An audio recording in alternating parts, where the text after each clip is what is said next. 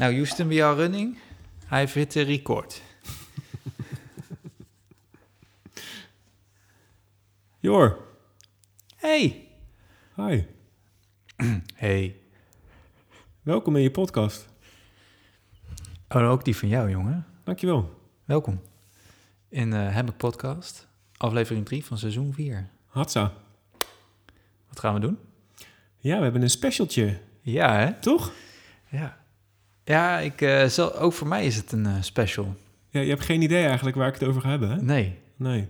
En eh, ik heb ook niet eens platen mee. Hey, gek, hè? Het had toch wel zo'n gevoel van... Gaat het wel goed? Misschien is het... We bijna toch wel een soort van backup platen meenemen. Voor het geval ik alles vergeten was wat ik wilde vertellen. Ja, en dat ik er misschien toch een klein beetje van mezelf erin... Maar nee, dit is helemaal eh, jouw show. Mocht je daar behoefte aan hebben, dan kan je het gewoon doen, hè, Jor? Dan snoer ik je gewoon de mond natuurlijk, maar... Ja, dat dacht ik al. Zullen we even uitleggen wat we gaan doen? Kom maar op. Ja, wij noemden het zelf een college. Maar ik zou het ook... Je zou het ook kunnen zien als bijles. Bijles. bijles. Ehm, het is eigenlijk. Ik doe eigenlijk een soort van variant nu op This Is, de speellijsten van Spotify. Mhm. Maar nu natuurlijk met, met jeugige, ik weet niet of het woord bestaat, verhalen rond de muziek en de platen die we draaien.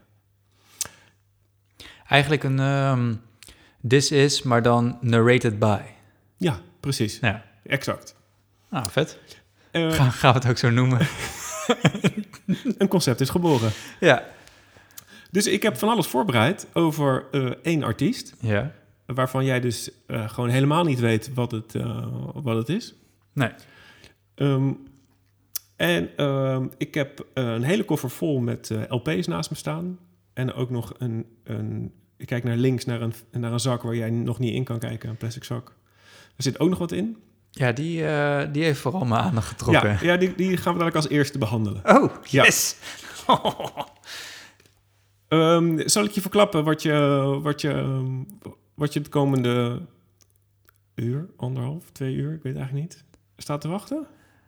Ehm, nee, ik zou zeggen, gooi lekker een opener erin. Oké. En dan ben ik heel benieuwd wat daarna gaat volgen. Oké, dan is meteen al eh, de eerste vraag. Ja. Wat heeft deze...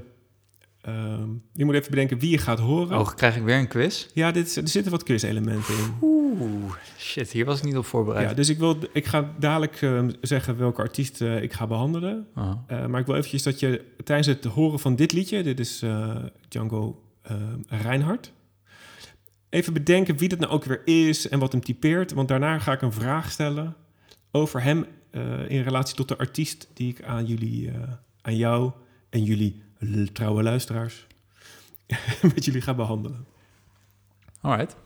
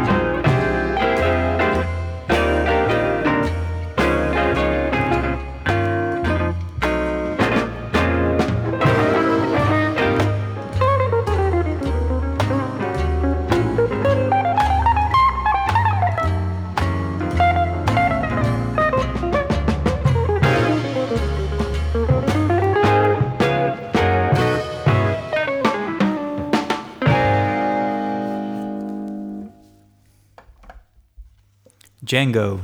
Django. Jor, Je zegt deze. er is natuurlijk geen betere artiest waarmee je een eh, podcastcollege kan beginnen eh, dan Django als het gaat over Black Sabbath. Oh. Dus Serieus? Serieus? Ah, vet. Ehm, ik ga je dadelijk van alles eh, vertellen over hoe, waarom, wat de aanleiding is. Maar ik had je gezegd, er komt een vraag aan. Wat is het verband tussen Django en heb- Sabbath? Ik heb geen idee. Daar ga ik achter komen of dat moet ik nu weten? Mm, eh, nou, je moet helemaal niks. Ja, oké. Maar misschien dat je de, de- een idee erbij hebt of een wilde Oeh. gok kan doen. Ehm,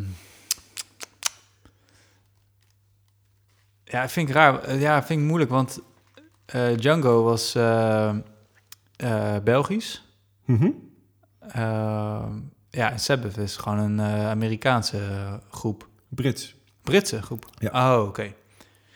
Oké, dat zet het allemaal wat dichter bij elkaar. Ja, ik kan me voorstellen dat die misschien ooit een keer met elkaar in aanraking zijn gekomen. Of ehm, in een, een of ander festival. Maar ik weet niet, nee. Oké, ik zal het je verklappen.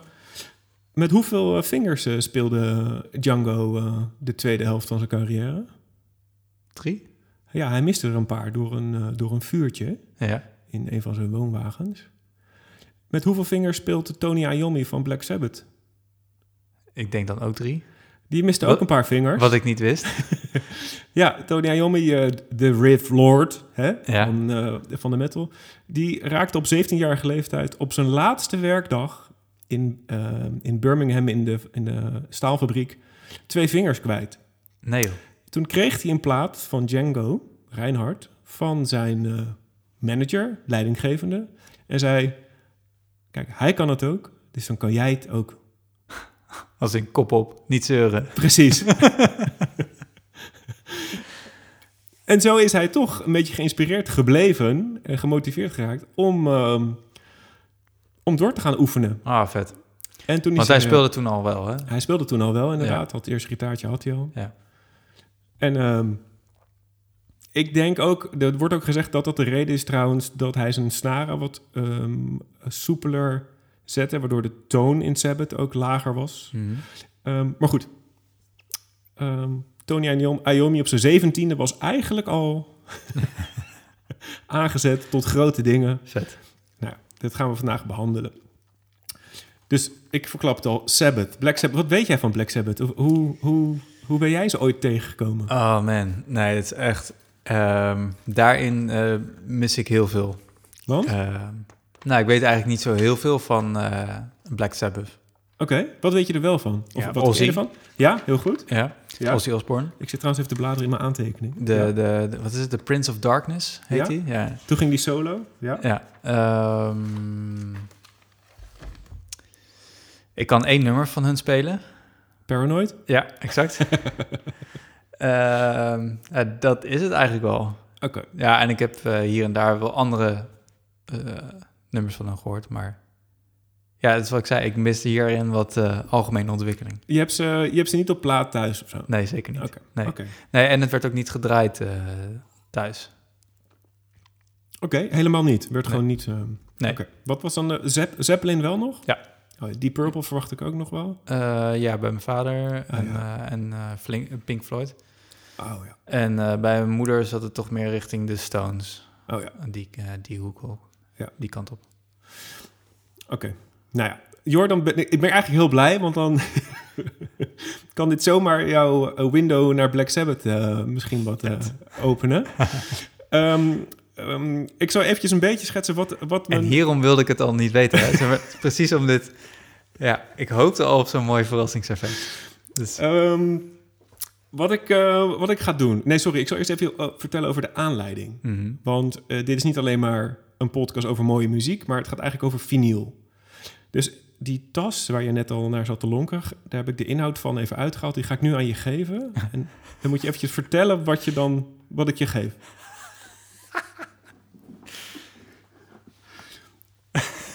Misschien moet je even ruimte maken op het bureau daar. Nou, inderdaad. Sjoen geeft me dus echt een eh, gevaarte van een eh, doos. Oh, ik eh, schuif even naar achter. Jezus, wat een unit. Het is een eh, doos waarop staat Black Sabbath 10 Year War. Ik denk dat dat eh, in hun benaming is dat eh, de, de greatest hits over 10 jaar... Ja, dat slaat op, dat slaat op de jaren dat Ozzy ehm, bij Sabbath zat. Oké, dan begin je eigenlijk met een soort in, inlay. Limited edition box set. Probeer hem voorzichtig uit te halen. En dit eh, bevat eh, acht, eh, acht, vinyl, eh, acht, acht platen. Ja, deze box zit er- de acht platen die... En hier staat ook reproduced. Dus die zijn allemaal waarschijnlijk sp- speciaal voor deze box set Ja. gemaakt. Ja, precies. Met onder andere Black Sabbath, Paranoid, Master of Reality, Volume 4, Sabbath, Bloody Sabbath, Sabotage, die je trouwens aan hebt, shirtje heb ik nu in aan. de search aan. Eh, Technical Ecstasy, Ecstasy en Never Say Die. Ja. Oké, een boekwerk erbij. Hier, kom maar, geef maar mij. Inderdaad, er zit een boekje bij. Een boekje bij, En daar, foto's en... eh, daar staan ehm, de 10 Year Wars slaat ja? ook op de relatie die ze hadden met de pers. Want Sabbath is altijd door de pers eh, eigenlijk... Nou, niet altijd, maar vanaf het begin eigenlijk... een beetje afgedaan als lomperikken. Maar vanaf plaat 1 was eh, het publiek helemaal fan van ze. Eh, dus het is altijd een beetje de oorlog geweest met, met de pers. En dit boekje, wat je nu vast hebt... is eigenlijk een soort van samenvatting van al die artikeltjes... die er geschreven zijn in reviews over concerten en zo. Het is wel cool gedaan. Het zijn allemaal een soort van cartoons. zijn het. Ja, uit die tijd. Oké, eh, volgende boekwerk. 10th eh, Anniversary World Tour. Ja, dit is een replica van een eh, tourboekje. Offici- official program. Ja, dat is meer een beetje voor de geinigheid. foto's van, van hun live en wat Vet. beschrijvingen van wie ze zijn. Toen, der tijd. Vet hoor. Wauw, oké. Zag ik nou special guest Van Halen? Ja, ook. Die speelt eh, heel vaak in het voorprogramma van ze. En Eddie heeft ook op een van de platen gespeeld. Ah ja. Later. Dit is natuurlijk vraag om problemen, hè? Je hebt zeg maar, zo'n, doos, zo'n diepe doos als dit. Het is echt best wel een grote, diepe doos. Ja. En dan heb je precies op maat al die platen erin liggen. Maar er, no way dat je normaal eruit krijgt. Nee, Je moet hem eerst helemaal kantelen. ja. En ik heb de platen al eruit gehaald. Dus als het goed is, kom je nu accessoires tegen. Oh. Oh. Nog meer goodies. Holy shit. Oké, dus nu, wat ik net allemaal beschreef, dat waren allemaal meer soort eh, flyers, zou je kunnen zeggen. Dit is Ja. echt nu een hardcover boek. Wow, man. Ja, dit, dit zijn, Dat was dus een pagina die omviel. dit zijn ehm, foto's en ook quotes van bekende artiesten die iets zeggen over Sabbath. Ja, dat was weer een pagina. Wow, wat vet. Oké, oké, oké. Het is een beetje een, een, eh, hoe noem je dat? Een koffietafelboek of zo? Ja, inderdaad. Wel, wel koffietafel plus. Singeltje. Singeltje inderdaad. Paranoia. Eh, replica van, eh, van een vrij zeldzame singeltje van ze. Ze hebben heel weinig singles uitgebracht. Is dit dan een Daar poster? heb je een, ehm een Poster? tourposter te pakken, denk ik. Ja, volgens mij was dit een van hun eerste gigs. Het is wel een en al verheerlijking, hè? Ja. Of niet? Ja, absoluut. Je moet er echt van houden. Ja, En nog een... eh, eh, ja, dat is ook een poster van een... eh, die zat bij hun eerste plaat. oh ja. Ook voor boven je bed.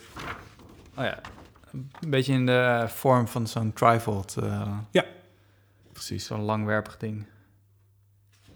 Heel... eh ja, moet zeggen? Heel hippie. Heel... heel vaag, heel paars. eh. Ja, heel erg 1969. Alright. Eh, nog, een, nog een single. Ja. Een replicaatje van... Evil Woman Don't Play Your Games With Me. Ja, is van eh is een Japans replicaatje inderdaad. En dan kom je nog iets leuks tegen. Ja, zo. Een, eh, een ketting met een eh, hanger van, in de vorm van een eh, kruis. ja Een Christuskruis. Ja. En ik zie hier wat eh, pinnetjes. En ik vermoed dat dit een USB-drive is. Ja, en daar staan alle albums dus eh, digitaal op. En dit is het kruis wat Tony Iommi eigenlijk altijd draagt Ja. tijdens de concerten. Ja, oké. Damn.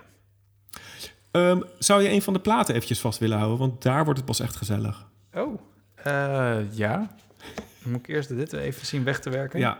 Ehm, in de tussentijd zal ik je even vertellen dat deze box ja. eh, heb ik gekocht een beetje in het concept van... ehm, Ik heb nog niks van Black Sabbath. Laat ik nu maar in één keer klaar zijn. Nee, nee, nee, Kickstarter. Eh, dit was een, eh, een project waarin ze ehm, ehm, eh, zeiden... we gaan de tiende platen uitbrengen. Wil je het hebben, dan kan je het backen, zeg maar. Hoe heet dat Meen nou? Heeft Black, Black Sabbath een Kickstarter? Project voor deze box alleen. En ze, het is niet, ze hebben het zelf niet geïnitieerd. Het is eh, uitbesteed, zullen we maar zeggen. Ehm, Maar zij staan hierachter. zeker weten. Nou, maar bizar toch dat, dat ze daar een, eh, een Kickstarter voor nodig hebben? Je zou toch de- denken, dat ze hebben genoeg fan... De Ja. fan, their fandom Ja. is zeg maar groot genoeg om, het, om altijd zoiets uit te brengen. Ja, I guess. Ik weet niet. Mm, Oké. ja. Ik, ik heb Jor inmiddels... ehm, oh, je moet even de achterste pakken, Jor. Oh, sorry. Uh, nou, trouwens, maakt niet uit heel erg welke, maar ik geef jou nu eh, dus die platen en ik wil even dat je er eentje uithaalt. Oh, eh, zit hier de, de ticket bij? Ja, Concertticket? ja, precies. Van jou? Ja. Oh, oké. Ik heb ze gezien in welk jaar staat erop, Jor? 1999 Oké, ja. in eh, Rotterdam. juist. Ahoy. Je zat toen eh, ingang Oost, vak C1, tweede ring. Is Ja. wel een beetje armoedig. Ja, het was ook... Inmiddels zijn we al redelijk opgeschoten, toch? Ja. Eh, opgeschoven. Is hier nog een ticketprijs trouwens? Goeie vraag. Ehm, Ik kwam laatst allemaal oude tickets tegen en toen zat ik... ja. HFL, is dat dan eh, de gulden? Oh, ja, ja zeker. 60, 60 gulden? 57,50 gulden. Ja, gulden. Plus 5,50 euro servicekosten. Zo, een leuke avond. Ja, zeker weten. Oké, vet. Eh, Ik kijk even naar de plaat, de, de LP. Oké, moeten we hem even eruit halen? Even eruit flippelen. Jezus. Ehm, Oké, dit is echt een, een van de psychedelische... Oké, ik ben heel even... Ja, Jor kijkt nu naar eh, het Vertigo-label. Eh, dat is waar Sabbath eh, de eerste platen uitbracht. Ja, Nou, dus... Niet de eerste trouwens, bijna alles hoor. Wow, dit is echt sick, dit. Holy shit, ze zijn helemaal, helemaal gek gegaan met de pigmenten en de, Ja. de splatter, als het ware. Dus de, het label van, van de plaat zelf, die heeft dat psychedelische logo. Het is een soort Escher met een continu verdwijnende tunnel. Ik weet het niet wat het is, maar hij, hij zuigt je erin. Ja, zeker als hij draait dadelijk. Ja. Zo, nou dat kan me Ja. inderdaad voorstellen. Eh, en de plaat is gewoon een hele vette mix van lila en donkerpaars en wat lichter paars. Ja, maar heel, eh, heel duister ook tegelijkertijd. Ja, en alle, alle albums zijn dus met hun eigen kleuren ehm, zo ehm, gedaan. De ene is splattered, de andere is eh, Ze hebben ze allemaal een eigen... ja, kleurstelling inderdaad. Ik weet trouwens nu hoe ze deze dingen maken. Die gekleurde bedoel je? Of Nee, specifiek dit die patroon? dit- die splatters. Dus eh, maar dat niet eh, de, de uniforme kleuren, om het maar te zeggen. Ja, Eh, wat Daaf had me daarop getipt. ja, Ik weet niet of het altijd zo gebeurt. Maar normaliter heb je zeg maar gewoon een warme koek van PVC en dat wordt dan eh, erin geperst. En dat, hè, dat, dat is dan de plaat. Maar dat kan altijd maar één kleur zijn. ja. En nu is het zeg maar dat ze een soort van kleiner koekje hebben van een bepaalde kleur. En dan hebben ze een hele schaal met korrels en die verwarmen ze dan, een paar korrels. En dan, ja, als een soort... eh, Sprinkels. Sprinkel Ja, rollen ze hem er doorheen. ja. Zodat hij zeg maar die, die mix krijgt. En dan wordt hij erin geperst. Vet hè? Ja, heel vet. Het is altijd wel een kunst. Maar daardoor heb je dus altijd een, eh, een unieke. Overigens, eh audiofiel gesproken is dat eigenlijk een hele slechte productieproces. Ja, ja. Ik weet niet hoe ze klinken. En ze, Nou. ze hoeven nooit slecht te klinken hoor, maar Ja, het heeft invloed. Ja, het heeft zeker Ja. invloed. Ja, absoluut. Met de smeltemperaturen en zo. Maar, vertel. Ja, ehm, ik zal je eerst even vertellen wat we gaan doen. Ik zit wel echt nu een schoot vol met eh, platen. Lekker, hè? Het is echt alsof een kind op me zit, zo- zo'n Ja. gewicht. Oké, luister. Ik ga je vertellen. Ehm, ik heb eh, fragmentjes uitgekozen. En dit zijn maar 10 platen, maar Sabbath heeft in totaal 19 platen gemaakt. Studioplaten? Studioplaten. En daar heb ik nog niet eens de live albums eh, genoemd. Ja, precies. Dus ik heb bij elkaar, ik weet niet, misschien ook iets van 17, 18 platen van ze. Mag ik een eh, vraag tussendoor stellen? Ja, tuurlijk. Eh, waarom hebben ze dan deze tien platen gedaan? Oh, omdat het eh, de, de tien jaar met Met Ozzy, is. ja. ja oké. Ja, het is met je eigenlijk. ehm, ik, ik ga dadelijk zeg maar de areas met je door. En zeg maar deze periode wordt wel echt gezien als de meest belangrijke voor, voor Sabbath. Ja. En hier komen ook hun grote hits uit. De- hun grootste hits, trouwens eerlijk gezegd zijn het maar van de eerste vier albums. Ja. Daarna was de koek al eigenlijk op. Maar goed, eh, dat, later meer daarover. Ja. Eh, maar dit zijn de meest bekende inderdaad. Ehm, Alright. ja, en ze zijn ook gewoon eh, waanzinnig, vind ik. Ehm, maar wat ik ga doen is, ik ga een aantal fragmenten ehm, eh, laten horen. En ehm, er, ik ga een paar thema's eigenlijk bespreken. Het is niet alleen maar, ehm, kijk, leuke muziek, maar dit gaat over verslaving. Dit gaat over verraad. Het is bijna een beetje ehm, As the World Turns. dit gaat ook... Bold and the Beautiful. Ja, het is, echt, het is echt verschrikkelijk op een gegeven moment. Het gaat ook over ehm, vertroebeld ehm, ja, oordeelsvorming, zeg maar. Misschien ook mede door eh, die verslaving. Ja. Het gaat ook over rechten. Sabbath is zo'n cliché voorbeeld van platenmaatschappij versus de band. Echt Oh, nasty shit. En nou ja, dat allemaal in één mooi verhaal... waarmee ze voor mij een soort van... ja, stereotype zijn in, in die rockgeschiedenis. Zij hebben de stereotype uitgevonden. Ja, nou ja, ja, ja, dat denk ik wel. Ja, ze zijn er ook nooit maar voor, voor hun. precies. Ja, precies. Ja, oké. ze zijn er ook nooit echt goed uitgekomen. Oké. En eh, waarom doe ik het eigenlijk nu? Ehm Ozzy heeft eh, recentelijk gezegd dat hij niet meer gaat optreden live. Mhm. Eh, die man had al Parkinson een paar jaar geleden. Ja, ja, Ehm, dat Nee. wist ik dan weer wel. ja, ja, en hoe weet je dat dan eigenlijk? Vanwege zijn show, volgens mij. Welke show? Ja, hij heeft een eh, reality show gehad. Die Osbournes De. Ja, Volgens mij kwam het daar ook een beetje aan het dat licht. kan. Ja, oh. Nou, Of ik haal dingen door elkaar. Dat ja, hij heeft... Hij heeft op een bepaalde manier wist ik het. ja, hij heeft... ehm, ehm, toen we naar de Osbournes keken, inderdaad, zagen we ook een soort van Ja, zombie. ja, ja en, eh, en dat... eh, trilhandje. En dat was echt een- Ja, Sharon! ja, anyway. Hij heeft gezegd, ik ga niet meer toeren. En er is een aankondiging geweest van Tony Iommi. Eh, we gaan heel veel reissues doen. Ook van de back catalog uit de minder populaire periode. Hm. Dus ik ehm, ga jullie een beetje doornemen. Wat moet je nou laten liggen? Oh, Eh, welke platen kan je misschien wel oppikken? het is een soort van record store day voor eh, Black Sabbath. Precies, ja, Vet. exact. Ehm eventjes, ehm, wie zijn ze? Weet jij toevallig de namen van die gasten? Nee. Oké, je hebt Tony Iommi, gitarist. Ja. Geezer Butler, ehm, eh, bassist. Heb je Ozzy Osbourne natuurlijk, is de zanger. En Bill Ward is de drummer. Mhm. Al die gasten komen ongeveer uit 1948. Als in geboortejaar? Geboortejaar, ja, Ja. 48, 49. En ze komen uit Birmingham. Oké. En Tony Iommi heeft een keertje gezegd... Birmingham is eigenlijk een soort van Detroit. Het is een industriestad. Het is niet per se gezellig. Grote arbeidersklasse. Ah. Ze komen ook allemaal uit een arbeidersgezin. En het was er niet echt al te gezellig. Ik ben er zelf trouwens nooit geweest, maar ik neem het van ze aan. Goed. En ik dacht, ik ga je eventjes gewoon... De debuutplaat die heb ik nu hier neergelegd. Gewoon het eerste liedje. Dit vind ik altijd een hele belangrijke. Ja. Het debuut en het eerste liedje. Nou, die heb ik er nu op liggen. Ik zal hem eh, een, een fragmentje ervan doen, want hij duurt lang. We hebben nog veel te bespreken.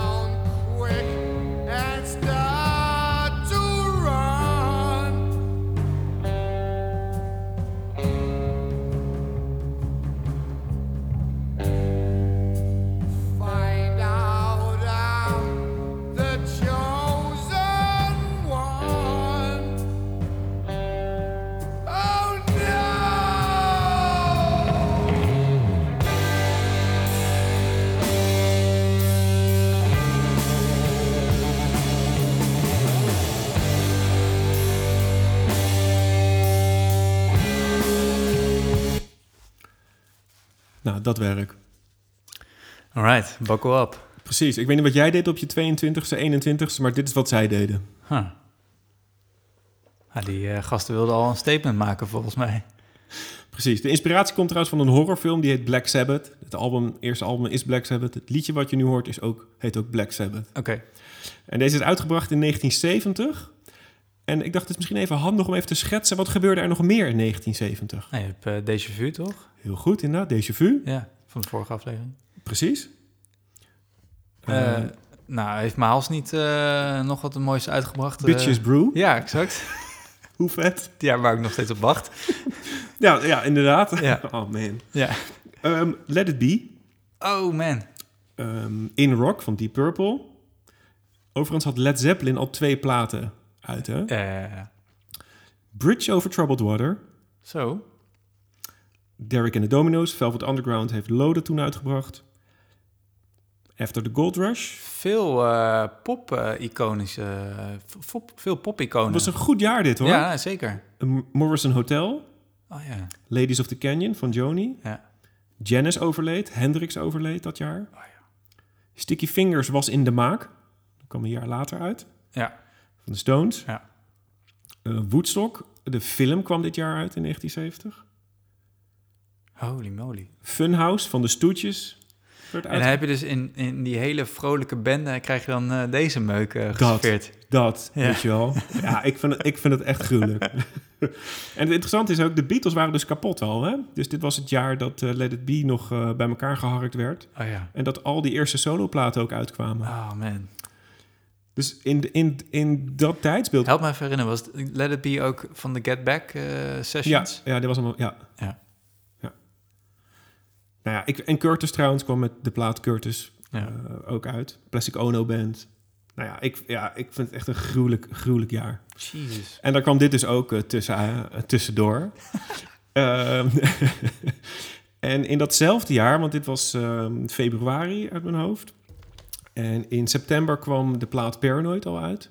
Zo, Ja, precies. Dat waren nog eens andere dagen. waren ze, waren ze toen het al aan het schrijven? Of is het echt gewoon na release geschreven en opgenomen en Ja. uitgebracht? Dat tweede. Tering. Ja, ze hadden er, ze hadden er zin in. Ja, precies. Ja. Ja, exact. Ehm, dus de jongens hebben zich vrij snel ehm, geïnstalleerd, zou ik maar zeggen. En ehm, de, eerste, het eerste platenlabel was Philips. Hollandse trots. Ja, Hey. vet. Eh, die heeft ze opgepikt. En Philips, die maakte dus Vertigo. En Vertigo, het platenlabel, ehm, staat bekend omdat het heel veel progrock uitbracht. Zoals eh, Gentle Giant bijvoorbeeld. Ja. Uriah Heep werd ook op dat label uitgebracht. Eh, en deze boys werden daar eh, ook gecontracteerd. Ik wist dat Philips platen maakte, maar ik wist niet dat ze een label hadden. Ja. Als in persen, maar niet zozeer dat... Ja. Oké. Ja, dat wist ik ook niet. Ik, Ah. ik dacht gloeilampen. En, eh, Nee, volgens mij heb ik nog een paar platen van Philips. Die klinkt niet eens zo ja, veel klassiek waarschijnlijk ook ja, trouwens. ja, klopt. Ja, Ja. Ze, wa- ze waren in het begin, volgens mij zijn ze in de jaren 50 begonnen met die LP's. En vooral begonnen bij klassiek. En toen maakten ze dus een van de sublabels was Vertigo voor de, voor de rock. Waar zit je naar te kijken? Oh, dat, ja, dat label wat doordraait. Oh ja. man, ik ben echt... Lekker hè? Ik moet er niet te lang naar kijken. Je raakt er echt eh, van in trance. Nou ja, goed. Ehm, de boys ehm, eh, zijn ontdekt in een, eh, in een, in een, in een kroeg. je kan je ogen niet op. Nee. Moet ik hem stilzetten? Nee, ja, doe Leid het je maar. af? Ja, Ja? doe maar. Het is bizar namelijk, want je kan namelijk heel veel verschillende vormen, hoe zeg je dat, bewegingen erin de- uithalen. Net zat ik even in een soort rond... Nou, laat maar. Je zat in een wormhole. Oh, ja, eh, ja, echt een wormhole. Ehm, ja, de boys werden ontdekt in een, in een, in een pub. eh, Henry's Blues House In Birmingham. in Londen. Oké. Ehm, en ehm, Tony, eh, Tony Iommi en Ozzy werden daar geboekt en ontdekt door de eigenaar, Jim Simpson. En die zei, ik denk dat ik jullie iets verder kan brengen dan dit stinkhol. En toen gingen ze aan de slag met die platen. Dat was hun eerste manager. En managers zijn vanaf dat moment hun grootste vijand. Het Hmm. wordt nooit gezellig.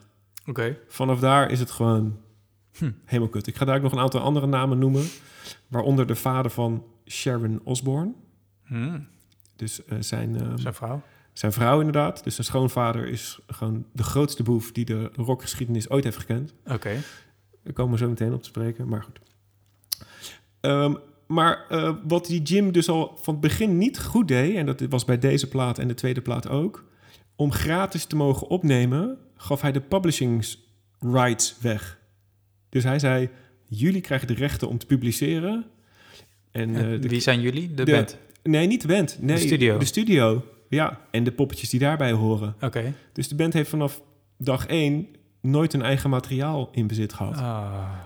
Ja, en dat is dus echt typisch voor die. voor Maar dat was alleen maar om gratis te kunnen opnemen. Ja, Ja. ja.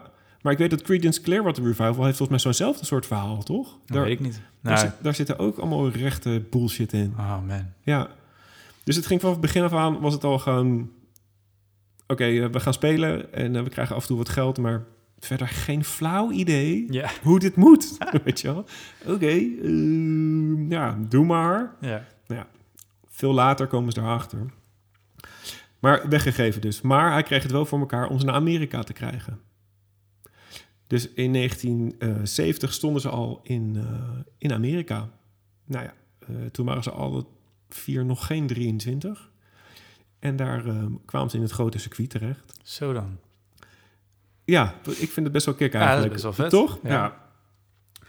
Ehm, en ehm, wat... ehm, Weet, eh, je, weet jij ook toevallig hoe, ehm, hoe ervaren ze waren eh, met elkaar? Hebben ze al... eh, was dit hun eerste band? Nee, dat vergeet, dat vergeet ik te zeggen. Z- Zij, ze speelden al ehm, met z'n drietjes. Ozzy werd erbij gevraagd. Mhm. We hadden een zanger nodig. Maar ze speelden al met z'n drietjes in bands. En die namen trouwens, die zijn ook classic uit die tijd. Ehm, eh, wat was het nou? De Polka Tulk Blues Band, bijvoorbeeld. en daarna Earth. Dat is hun laatste naam, geloof ik. En toen zei die Jim, nou, doe even normaal. Kies even een goede, een normale naam. En toen werd het Black Sabbath. Oké. Maar in die periode hebben ze al met elkaar opgetreden. Hm.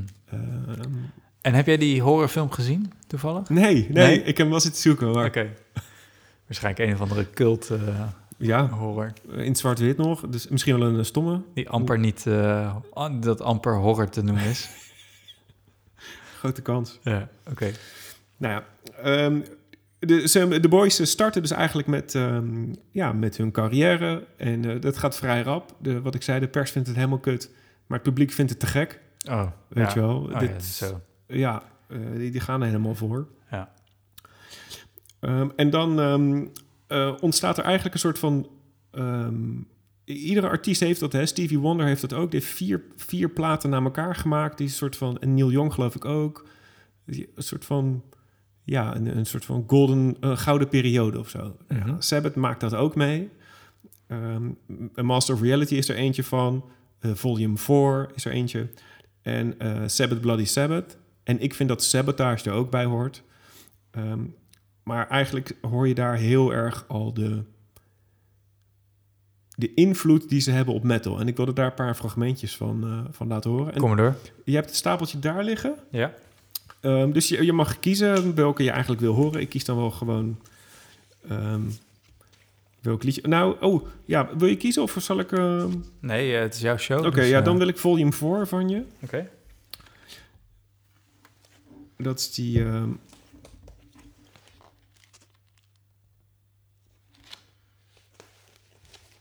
een soort van kwartet, maar dan... Ja, die. Ja, ik moest hem alles omdraaien van je.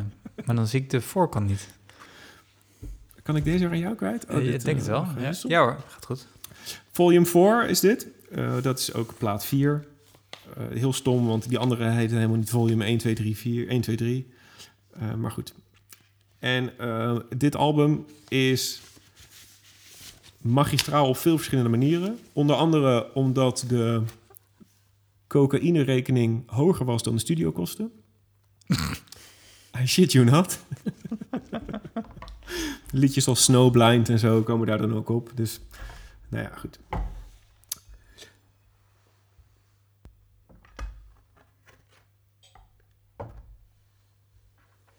En dit liedje, dat heet... Ja, ik vind dat een beetje... eh cornucopia, denk ik, dat het heet.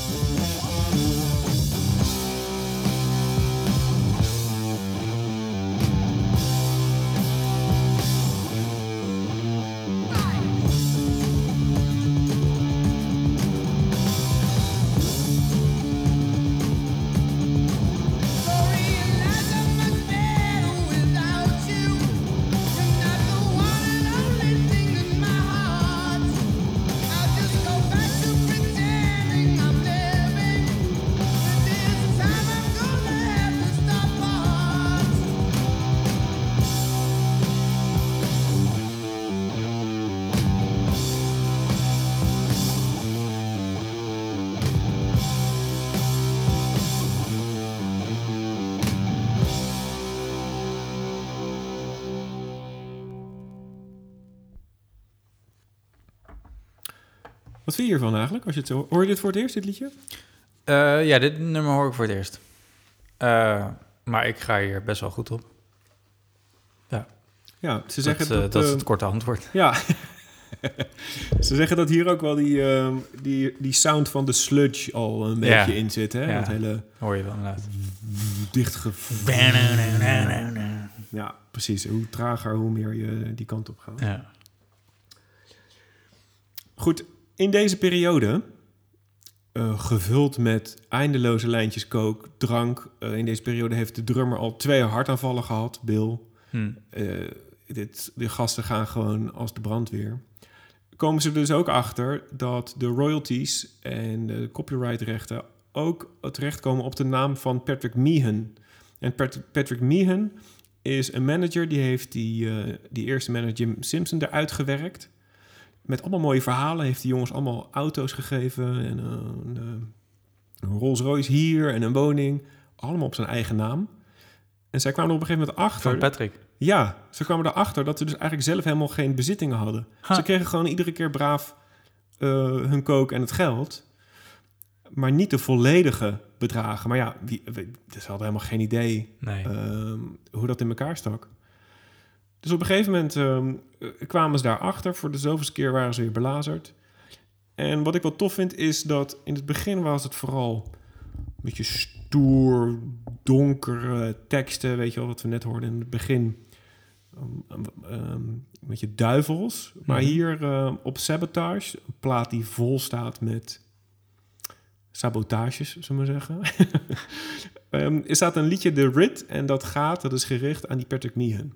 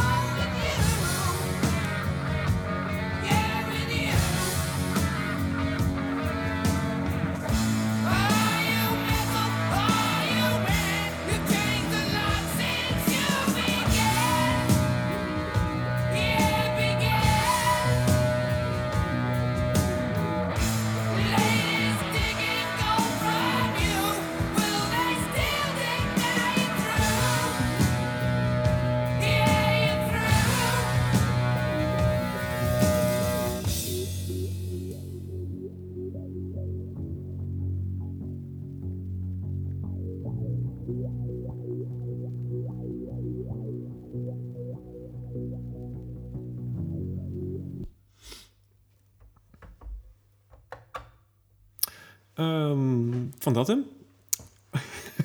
The Rit zou eraan slaan op een... uh, Hoe ver zijn we eigenlijk in een, eh, in een eh, carrière? dit is nog halverwege, dus we zitten nu 75. Eh, dus die gasten zijn 27? Ja, zoiets, rond, die, uh, Ja, precies. rond die leeftijd. En die, die Patrick, is dat een Amerikaanse manager of zo? Of een... eh, Ja, die, en die is dus aangestuurd door die Don Arden, waar ik het net over had. En om even Don Arden te schetsen. Het, het schijnt zo te zijn dat ehm, in de jaren 60 had je de Small Faces. Of eind Mhm. 60 eigenlijk. Ja. Ehm, nou, Keith Moon van The Who mhm. en Jimmy Page. Voordat Zeppelin er was, was het idee tussen Keith Moon en, ehm, en Page...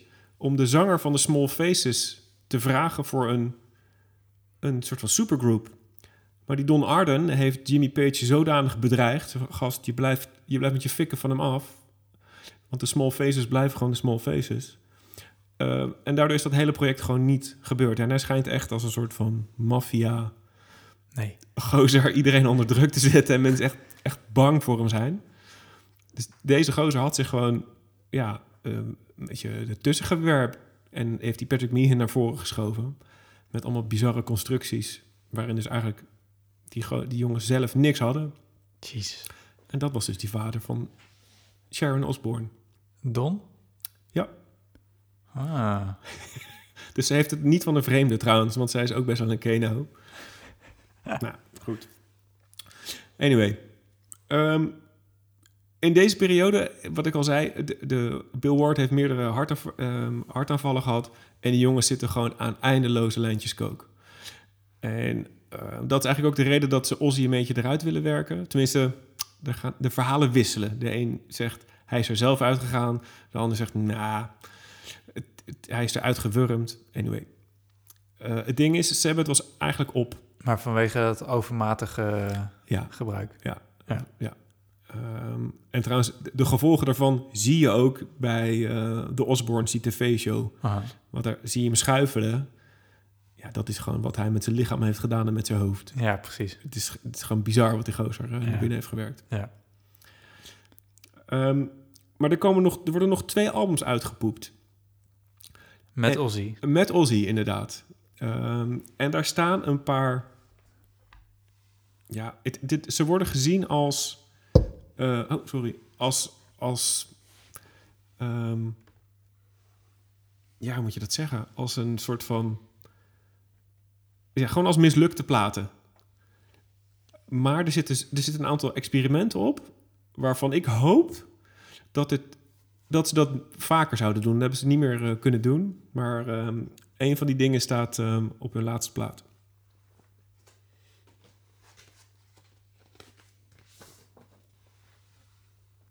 Ik zie nu al de zoveelste kleur voorbij komen. Het is al, eh, ik moet je nageven, het ziet er wel echt heel vet uit. Kijk hè? Ja, dit is dan weer transparant met een soort splatter van babyroze. Ja, het is, eh, ja, het is vet. Maar de groeven zijn natuurlijk helemaal nergens te bekennen.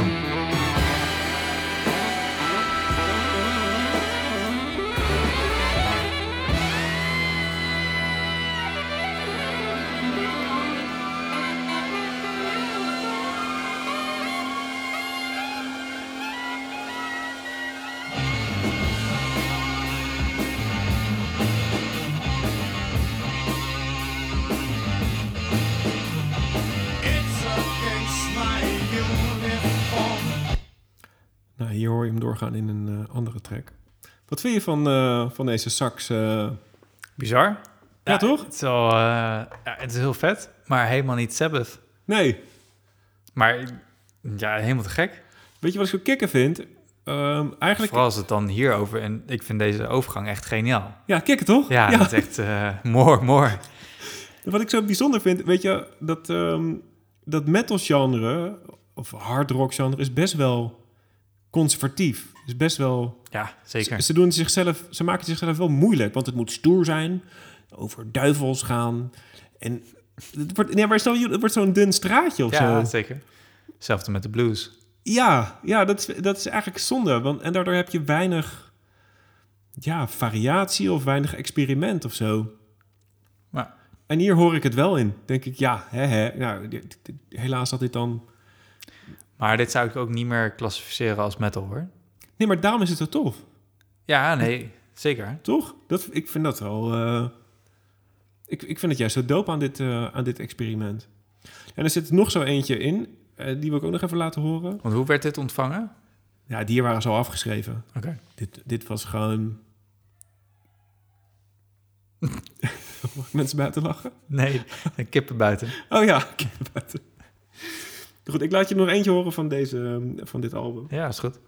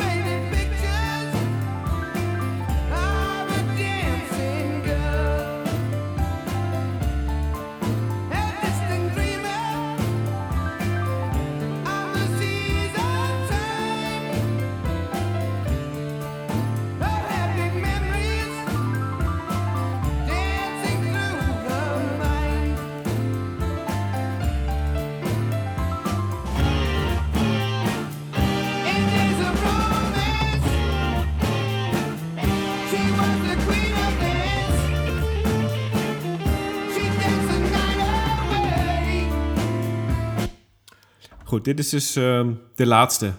Ozzy werd hier, eh, hierna echt de band uitgezet. Nu is het genoeg geweest. Hm. Manager was eruit gezet. Ozzy was eruit gezet. Hoe hebben ze dat voor elkaar gekregen? Die manager eruit te zetten. Eh, ja, dat hebben ze gedaan door de rechten van de vijf voor... Ja, het is echt een opstapeling van, van kutkeuzes. Ik had het al aangekondigd. Ja, ja. Ze, hebben, ze hebben de rechten van hun voorgaande vijf platen... Ja, eh, aan die manager overgedragen... oké. om uit het contract te komen. Jezus. Ja, dus de, de, de stapel Black Sabbath ehm, best-ofs is ook immens. Omdat er gewoon te pas en de onpas kwam er weer een best-of uit. Ja. Ehm, ja, want die rechten hebben ze. nee, ja, precies. Ja, huppakee. Dus Ja, meer geld, meer geld. ja, nou dat. Dus er zijn, helemaal, er zijn meer best-ofs dan albums eh, Jezus. van de, de Sabbath. Maar ja. Dus dit was wel, dit is zeg maar wel echt een, een, ja, het einde van, van, hun, van hun start. Ja. Ehm, en deze, deze periode is zeg maar het meest bekend voor, eh, van... ehm, Ja, het, normaliter zijn die kippen bij, rond deze tijd wel weer stil. Maar ik denk dat er iemand gewoon aan die boom... eh, ja, even ter kon, ja, waarschijnlijk hoor je het. Ik hoop het niet. Want anders eh, valt het, eh, gaat het heel erg eh, afleiden. Maar in de studio wa- waar ik zit... daarachter lopen dus gewoon kippen wild rond. En die gaan... s s'avonds gaan ze dus in de boom zitten van de, van de binnentuin. Nou, dat is allemaal hartstikke leuk en aardig. Die, gaan daar, die slapen daarin. Dus die slapen hoog en ze, veilig. ze hebben nu een feestje, heb ik die Maar ze hebben nu een feestje inderdaad. Of iemand verstoort het feestje. Ja, goed. Jor, Ja, ik wil met jou ehm, de volgende periode van Sabbath ingaan. oké. Met een stem waarvan ik vermoed dat je hem eigenlijk al eerder hebt gehoord. Oh. En ik heb daarvoor een singeltje gekocht. Ehm, ja, ja, dit is hem.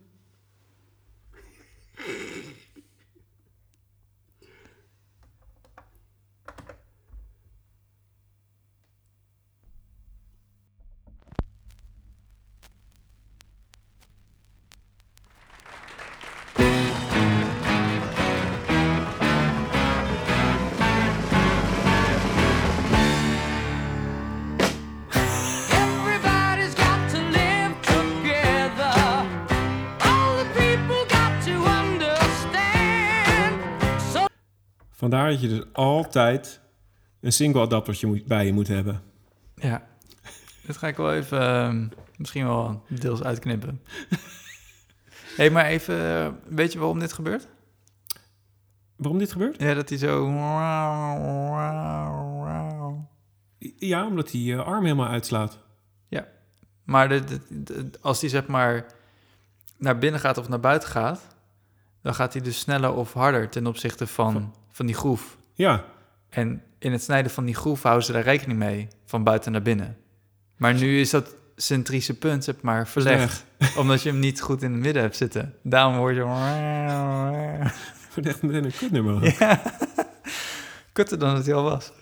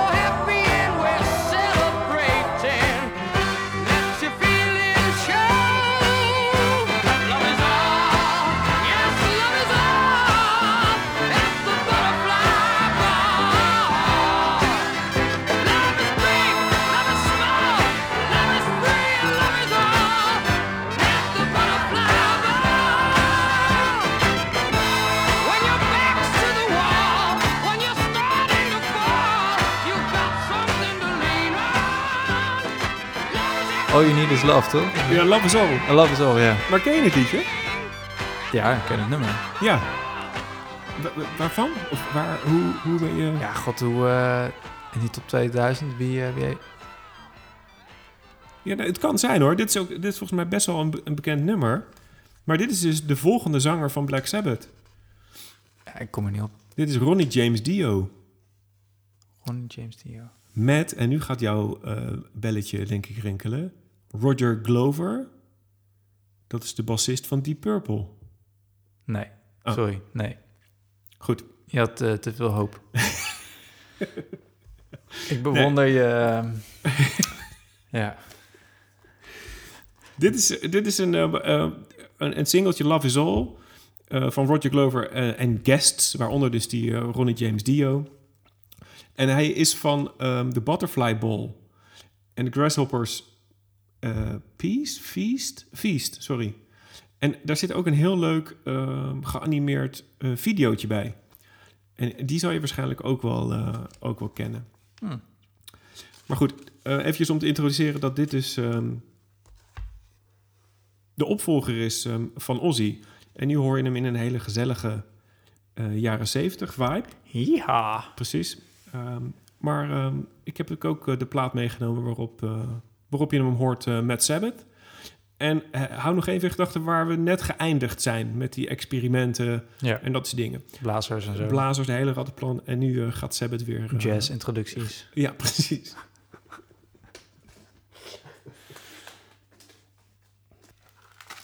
We zijn inmiddels in, in 1980 eh, beland. Oeh.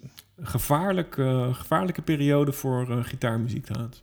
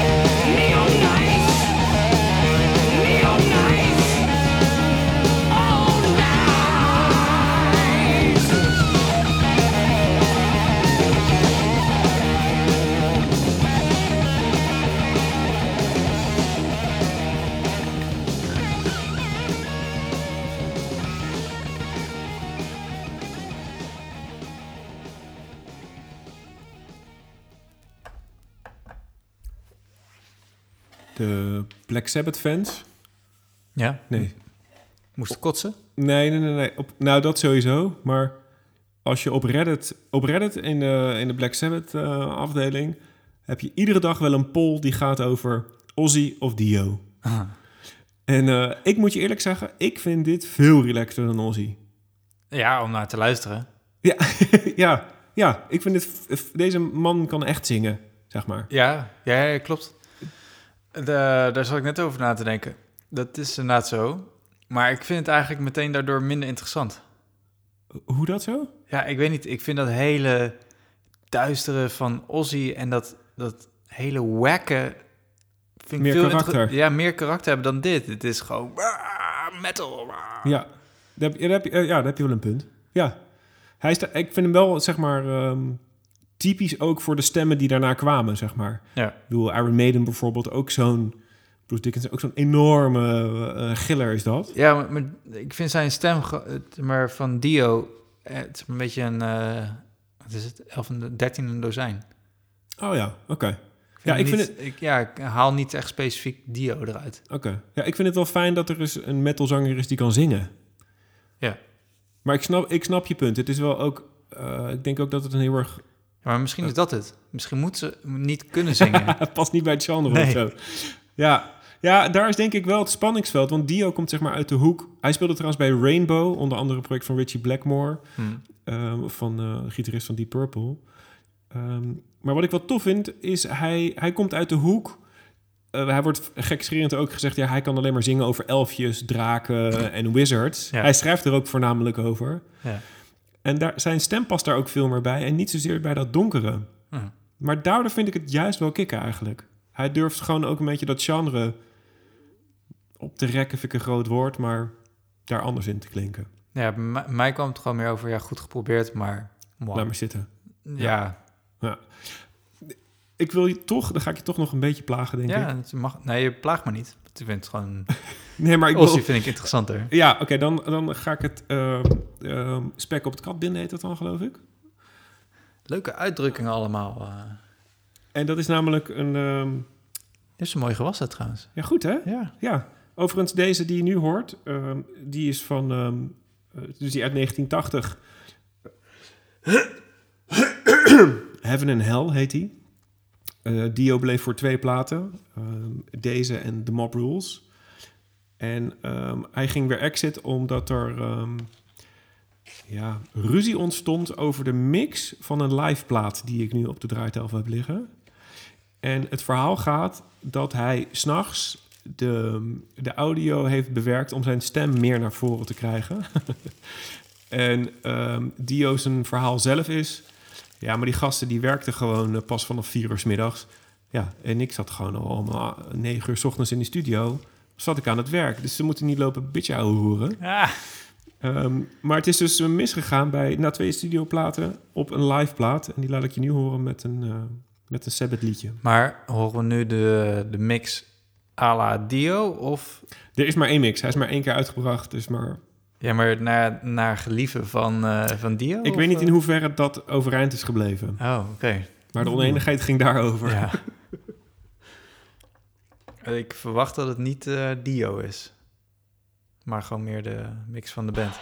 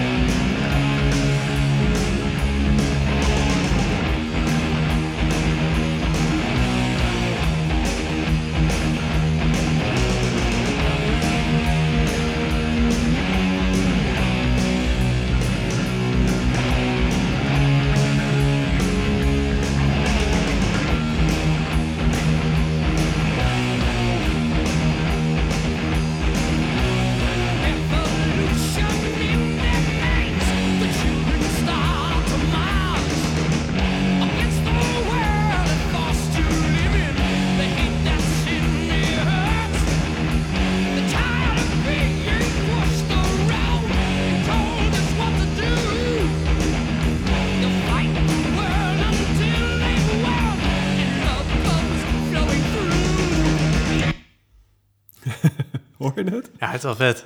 Ik heb, eh, ik Ik, heb vind hier... hem wel een beetje op de achtergrond, die eh, Roger. Ja, ik zou dan niks anders doen, hè? Ja. Nou ja, ik, ik, even kijken of ik hier nog Paranoid kan vinden voor je.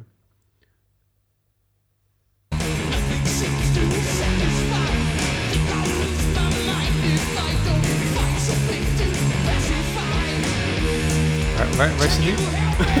Wat? Waar zit hij? Dit, dit is midden in Paranoid. En Dio zit... Kut niks, hè, dit? Ja. ja. Ik snap wel dat hij eruit is gestapt.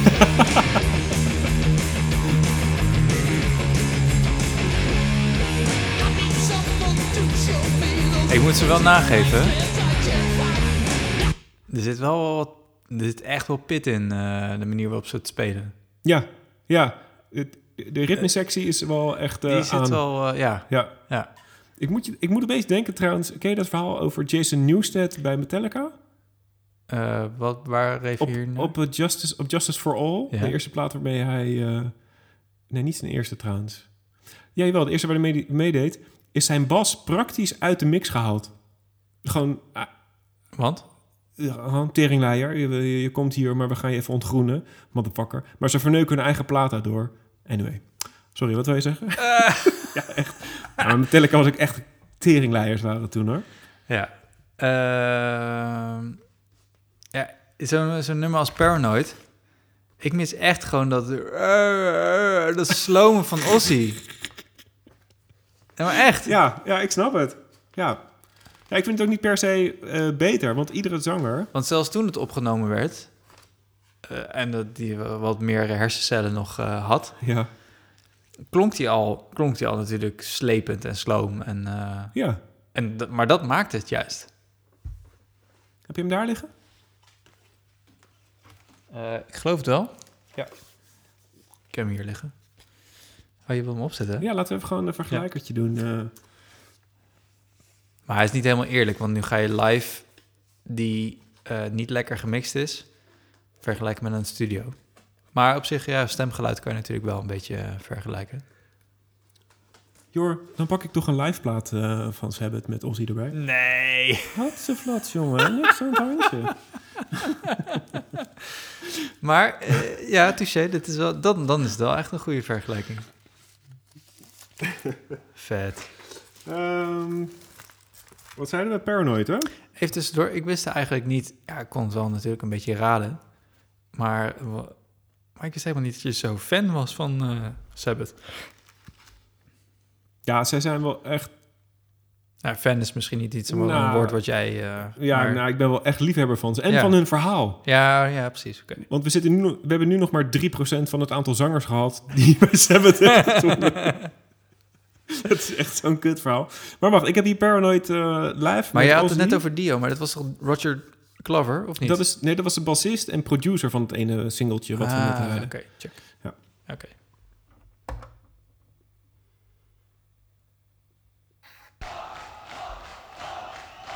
Mooi, mooi. Ja, dit toch?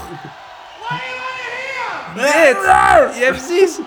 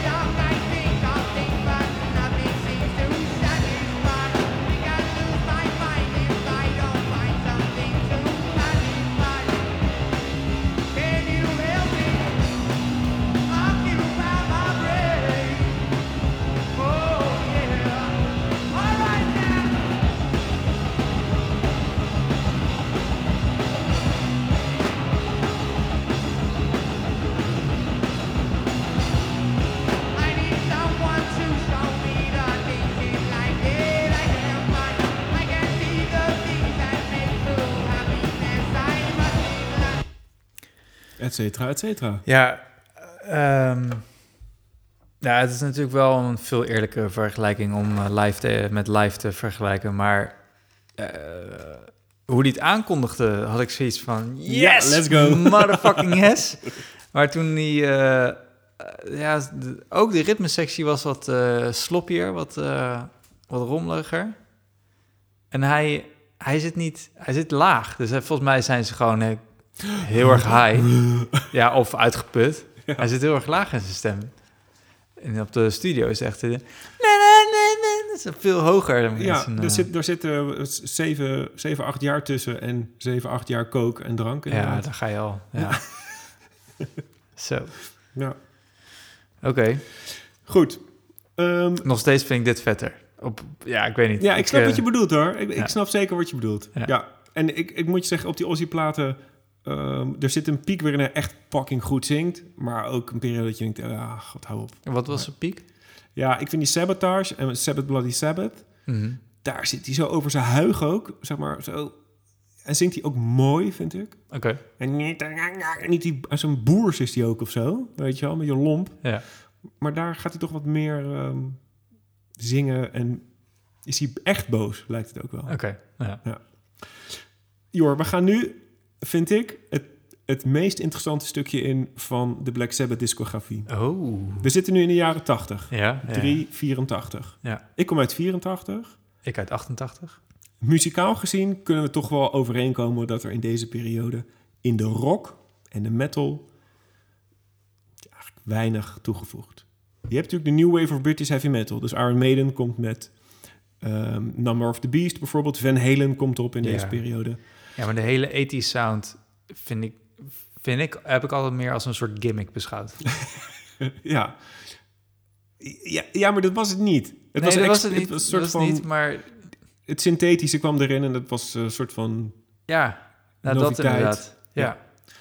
Zo kenmerkend, alle, alle trucjes die ze hebben in de jaren 80 hebben uitgehaald. Ja, en, en, en Sabbath was eigenlijk, eigenlijk een, een stervende dinosaurus in de hoek op dit moment. De jaren tachtig voor Sabbath en metal was echt... De oude dino's dus was echt klaar. En, op de, en er waren meer bands die eigenlijk ook een beetje klaar waren. Zep was eigenlijk al, was al eh, op. Ze Mhm. hebben niet meer gespeeld, eh, want eh, Bonham eh, had zich kapot gereden. Ja. En ik meen dat trouwens hun laatste uit 80 of 81 is. Coda. Ehm, en dat je een andere grote band, Deep Purple.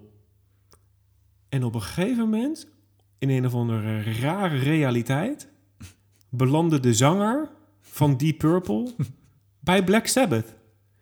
Ian Gillan, de Ja. gozer die je kent van Child in Time, belandde bij Sabbath. Die, diezelfde Don Arden, Ja, doei. ja, diezelfde Don Arden, die dacht... Hé, hey, wacht even jongens, wacht even. Jullie zoeken een zanger? Eh, ik ga even wat regelen. Die Ian Gillan werd opgebeld. Er werd een eh, avond de kroeg ingestuurd met de boys. En de volgende ochtend hadden ze een deal. Ze gingen een plaat opnemen. Die heb ik meegenomen.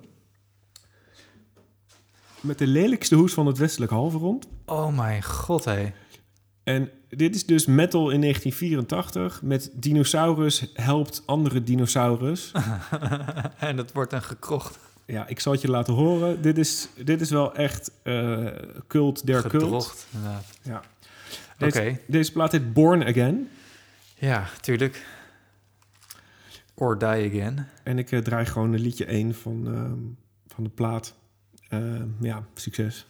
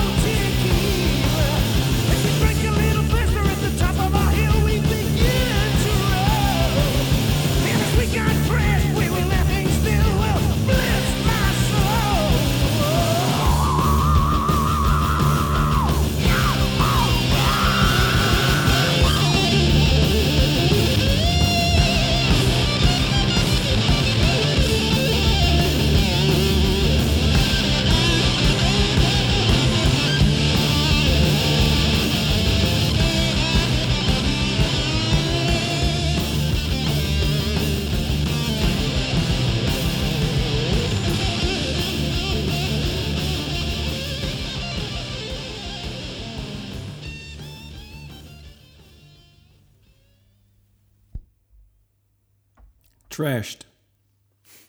Trashed? Trashed. Hoe bedoel je?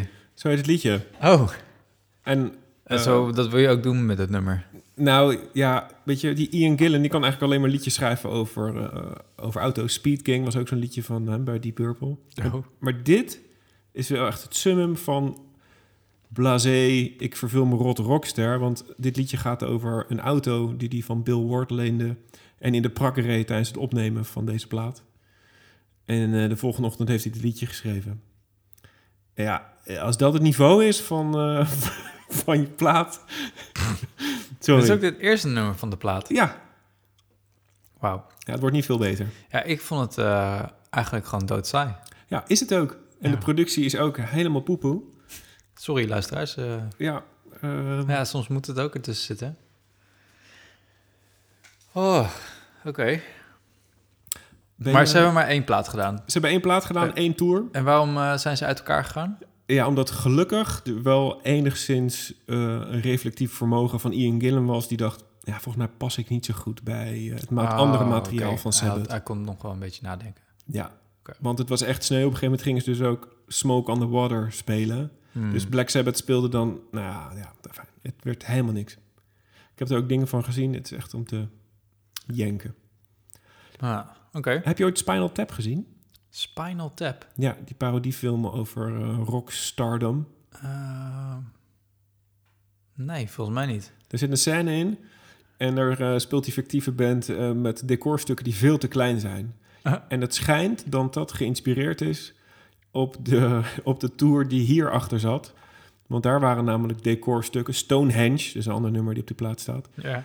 Die eh, in de inch naar centimeters berekening fout is gegaan. Dus ze speelden met veel te grote stukken. Nee joh. Die konden niet mee op tour. En nou, het was één groot drama. Het sloeg echt nergens op. Ook heel veel concerten gecanceld, omdat er gewoon niemand kwam.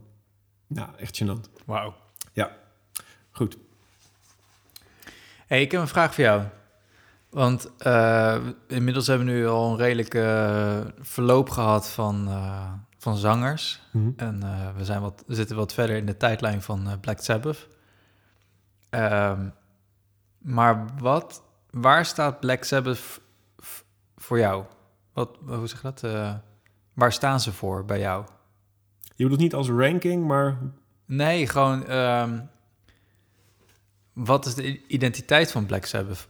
kan je, kan, kan je de vraag duiden door een voorbeeld te geven van jouzelf, van een band, waar je dat eh, Oeh. Over kan zeggen? Nou, kijk, als het, als het bijvoorbeeld om één artiest gaat, dan is het vrij duidelijk, want dan is dat het leven van die artiest, dus bijvoorbeeld Miles Davis. Ja. Eh, En die maar, staat voor? ehm, nou, zo bedoel ik het meer, maar het is gewoon meer de, de, de handtekening van die artiest Oh. in de muziek. En vaak ongeacht of ze experimenteren met andere stijlen en andere instrumenten, whatever, Mhm. toch hoor je altijd een soort stukje DNA van die artiest in hun muziek. Ja. Ehm, en wat is dat precies voor jou in Black Sabbath? Ja, bij Sabbath ehm, is dat eigenlijk, eh, eigenlijk gitaarwerk van Tony Iommi. De riffs. Ja. Overigens is dat ook, we gaan nu verder in hun discografie en hij is eigenlijk de enige die overblijft. Dus er is ook niks anders meer wat je doet herkennen aan Sabbath. Maar het is dat tempo en die riffs van, eh, van Tony Iommi. Ja. En die worden niet per se beter trouwens, maar dat blijft, het zijn altijd riff-gedreven liedjes. King of Riff. Precies. Riff Lord. Rifflord, ja, Ja. absoluut. Niet te verwarren met de River Wie is dat? Is toch dat eh, Lord of... Nee, wat is nou? Eh, River Dance? Ja, dat is heel iets anders. Yes, Heel iets anders, hoor. I know. Ik, ik, eh, neem je een, eh, ik neem even een klein uitstapje. Oh? Ik, ik, ja, het is niet je lievelingszanger, maar ik wil je toch eventjes introduceren aan de soloplaat van ehm, Bjork? Ronnie James Dio. Oh, oké, ja. In, in 1984 Ja. bracht hij Holy Diver uit. Mm. En ik wil je eventjes laten horen. Dit vind ik dus een van de beste rock slash metal platen. Oké. eh, die er gemaakt is. Ik geef jou de hoes. Ja. Het is ook een briljante hoes van een soort van duivel die een priester aan een ketting heeft. het is gewoon helemaal, nou, helemaal te gek. Ik doe weer de openingstrack. En ik ben benieuwd wat je hiervan vindt. Hoe, hier hoor je dus Dio voor het eerst met zijn eigen materiaal. Voorheen heeft hij altijd in bands gespeeld bij anderen. En dit is zijn eigen materiaal.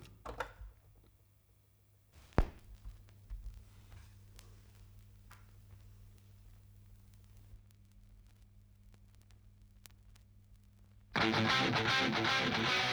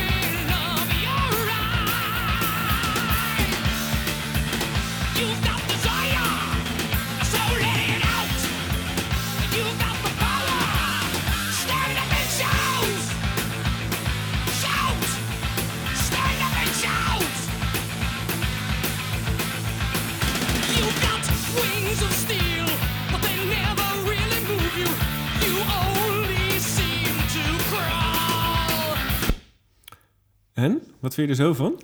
Ja, best wel, dit vind ik wel lekker. Ja, toch? Ja, dit, eh, dit gaat al.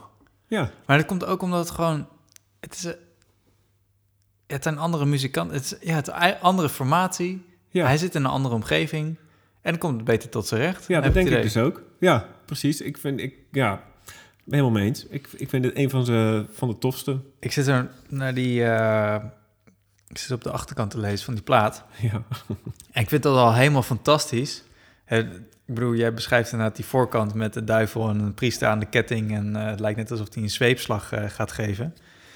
Eh, dus- dat vind ik best wel grappig aan die hele metal scene. Maar dan heb je dus ook, zeg maar, kopjes met those who labored ja. en those who supported. Dus wie schrijft dat? Those, those who labored. En those who suffered. Ja, ja, dat inderdaad. Ja. Maar eh, ehm, in de lijst van Those Who Labored sta- staat dus ook Los Angeles bij. Dus blijkbaar heeft de hele stad Los Angeles Bijgedragen. bijgedragen. Nee, Ja. nee, niet supported, maar gewerkt Oh ja, sorry. aan Ja. deze plaat. oh man. Ja, hij staat trouwens wel echt voor die, voor die zangers inderdaad. In die, eh, in die tijd waren heel veel van die gasten die werden gehuurd uit die periode, of uit die, uit die stad. En ze zingen daar bijna allemaal zo. Ah, Ja. ja. Goed. Oké, dat was eventjes Dio solo. Ja, thanks voor het eh, uitstapje. Ik maak nog één, eh, één klein uitstapje. Ja. Eh, bij een andere band. Die, Moet ik iets aanpakken van Ja, wil jij deze in elkaar flansen? Ja. Want nu gaan we naar Glenn Hughes. Ja, ik zie een Nee, Frans bij sorry. je. Nee, Ja, sorry. Nee. snap ik. Zit, Nee, ik ben, dit is eigenlijk best wel een, eh, nou, dat had ik al aangegeven. Ik ben onderontwikkeld in, eh, in dit straatje. Ja, dat, dat, dat, is, dat is niet erg. Ik accepteer je gewoon Oké. zoals je bent. Dank je. En trouwens, je kan na deze podcast natuurlijk gewoon op je werk heel erg opscheppen over alle liedjes van Black Sabbath. Ja, En ja die- ik ben nu gewoon een... eh, ik heb een deep dive gemaakt in... Connoisseur.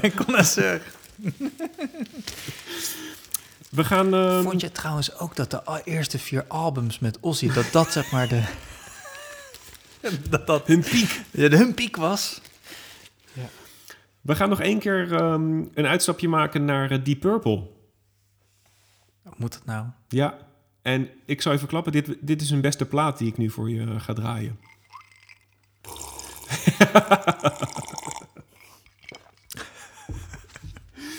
ik geef jou de hoes. Ja. Deze plaat heet Burn uit 1974. En hier zingt David Coverdale. En die is weer later naar Whitesnake gegaan. En Glenn Hughes. En Glenn Hughes ga ik je dadelijk laten horen in de Sabbath constructie. Maar dit is dus de eerste zanger die na Ian Gillan bij Deep Purple kwam te zingen.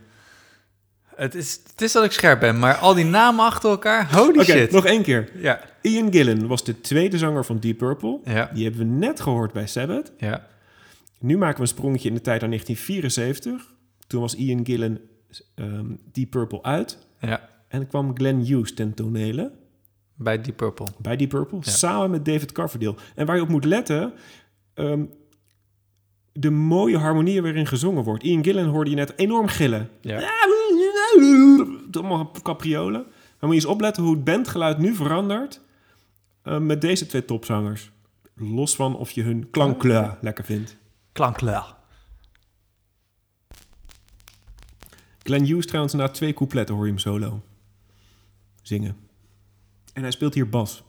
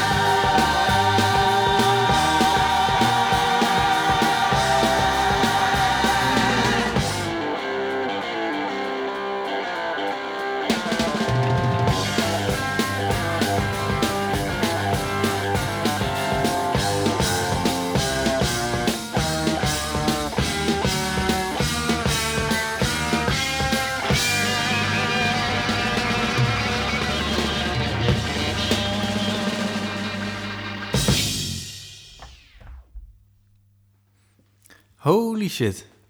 1974, Deep Purple. Ja, dit, eh, ja, dit vind ik wel lekker. Drummertje ook, hè? Ian Ja. Pace. Tering. Ja, echt een beest is dat. Pace de beest. Maar alles, alles staat in het rood. Goed, hè? Wauw. Hey, en Jor, hoorde je ook dat dit een Japanse persing was, of niet? Ja, ja, zeker. Ja, toch? Ik Zeker weten. Ja, ik zat nog wel heel even te twijfelen. Is hier dit... Maar nee, ik wist wel, uiteindelijk wist ik wel vrij zeker dat dit Ja, toch? zo schoon is als een eh, Japanse Baby onderbroek. baby. Geen idee. ik heb nog nooit een Japanse baby onderbroek van dichtbij gezien, trouwens, hoor. Even dat Ze disclaimer. zijn heel schoon. I don't know. Geen idee. Nee, disclaimer. Ehm, nee, maar dit... eh, waarom draaide dit ook weer? Nou, deze zanger, Ja. je hoorde er twee. Ja. David Coverfield en ehm, Glenn Hughes. Glenn Hughes werd dus in eh, de jaren tachtig eh, ingelijfd door Sabbath. Maar wist jij ook dat voordat het gebeurde... Sabbath ook op Live Aid heeft gespeeld? Eh, ja, daar staat me iets van bij, inderdaad. Dus we kennen allemaal Queen, hè, die Ja. ehm, daarin in pakjes ronddartelde. Mhm. Maar ergens op een podium deed Sabbath dat ook met Ozzy. Hadden ze ook ergens weer uit een of andere krocht hadden ze hem waarschijnlijk... En toen eh, was hij er al lang uit natuurlijk, hè? Ja, had hij zijn solo carrière. Ja. En deden ze nog een soort van reunietje. Een revival. Ja, precies. In die periode trouwens Ja. koopt ehm, Tony Iommi de rechten van de naam Black Sabbath. Want ze werden gedumpt door een label. Het was, Door Vertigo? ja, die zeiden na twaalf platen geloof ik. Ja. Nu is genoeg geweest. Wegwezen. Al die rotzooi. Ach. Gedoe. Gezeur. Opzouten. Al Ja, oké. Ja. En eh, eerlijk gezegd, eh Sabbath was toen ook wel als naam gewoon echt ver weg. Ik heb beelden gezien van ze dat ze nog bij MTV's eh, Headbangers Ball op bezoek waren. Tenminste, Tony Iommi. Maar ja, het, het waren gewoon oude mannen. Zijn oude, oude kerels die niet meer ertoe deden. Dus eh, Tony Iommi heeft toen de rechten gekocht van die naam. Mhm. Ehm, maar eerst moest hij dus nog... Hij wilde in ieder geval iets hebben. Ja, precies. Ja, een soort van aandenken of zo. Hè? Ja. Been there, done that. Ja. Got the band name. Ja. Ehm, maar hij heeft toen, ehm, na de plaat die ik je dadelijk laat horen, heeft hij die rechten gekocht. En eigenlijk heeft hij eerst nog onder druk een plaat gemaakt. Die geef ik nu aan je. En dan wil ik graag even dat je de titel voorleest. Wacht even. Tony heeft onder druk een plaat gemaakt? Of Ja. Black Sab- Sabbath? Maar lees eventjes voor.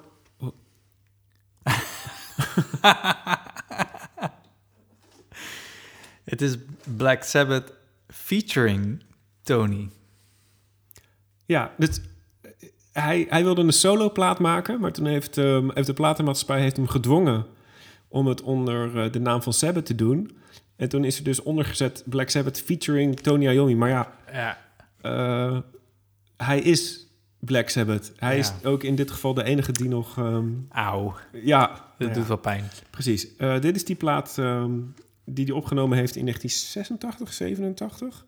86. Als je deze aanneemt, Ja, zeker. zal ik je eventjes Sabbath laten horen met Glenn Hughes.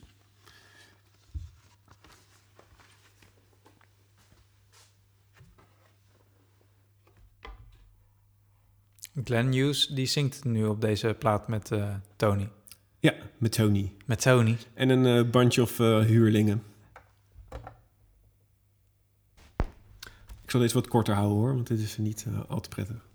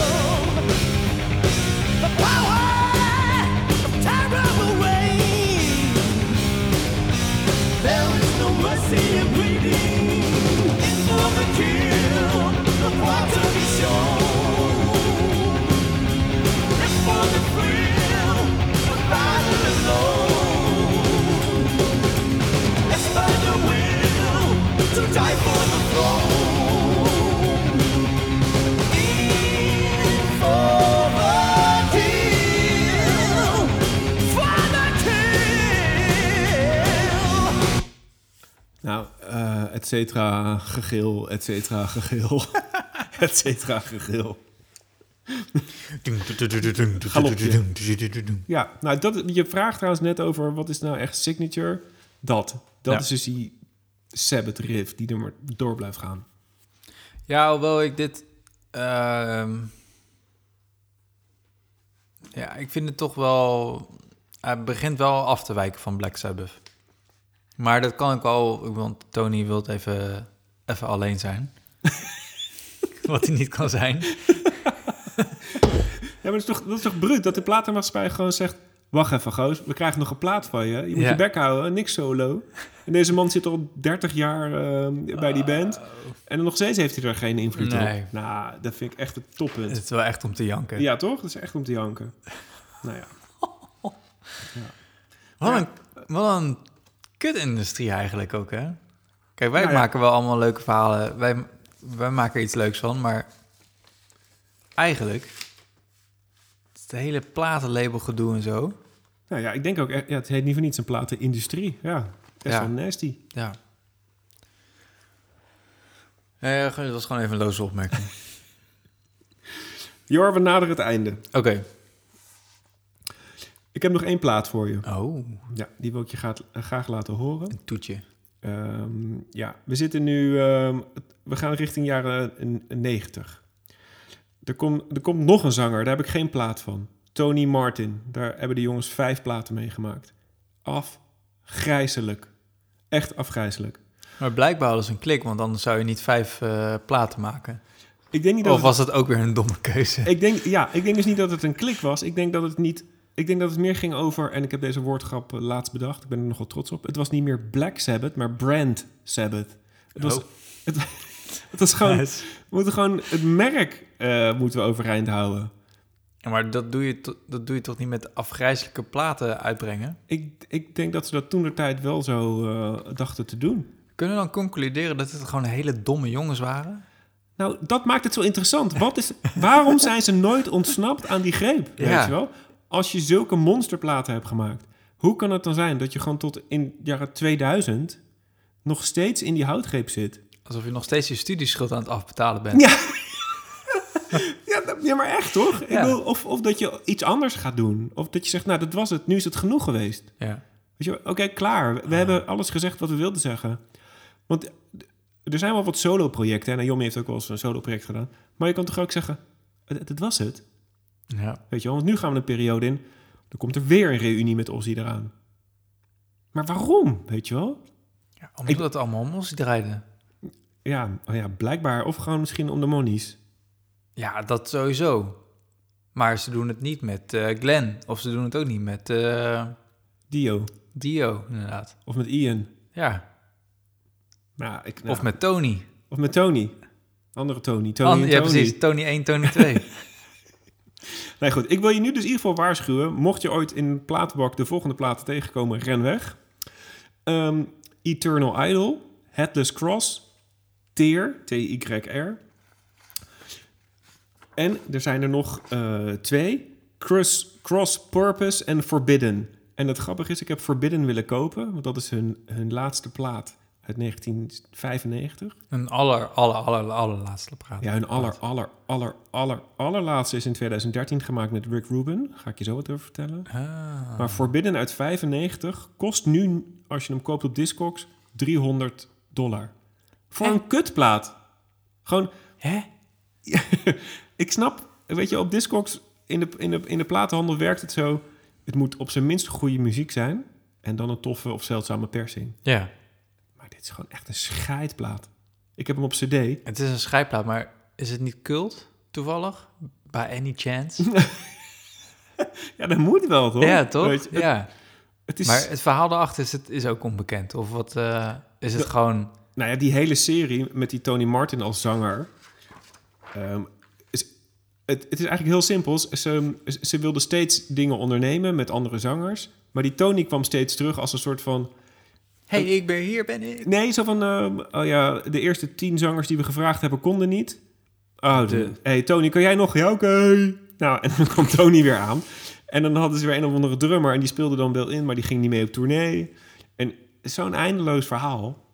En dat, dat bleef ze gewoon volhouden. Oh man. Ja, maar goed. Ehm, ik heb er nog eentje uit Er 19... blijven altijd die onverstandige rakkers uit Birmingham. Ja, precies hè. De Brummies. De Brownies. Ik heb een eh, plaat eh, voor je. Ehm, ik vind dat stiekem Ja. na Ozzy misschien wel de beste plaat die Sabbath heeft gemaakt. Oh, sorry. Ja, na de Ozzy-jaren vind ik dit denk ik de beste plaat. Oké. En we zitten nu in 1992. Even spieken op een... eh, ja, 1992. En dit is met jouw vriend Ronnie James Dio. Geezer Butler, Tony Iommi en Vinnie Appice. Appice. En hoe heet de plaat? Dehumanizer. Dehumanizer. En het tof is, kijk, ik heb hier de hoes voor je. Het is een robot en die pakt weer een of andere eh, mens te grazen. Het is een beetje een Megadeth-achtige voorkant. Ehm, en dit is eigenlijk Terminator. Huh. Tenminste, zo kijk ik ernaar. Dit zijn de machines die eh, de mensheid overnemen. Wil je de hoes aannemen? Ja, zeker. En wat ik zo tof vind, Dat is een dubbelaar. dit is een dubbelaar, dat is een special edition.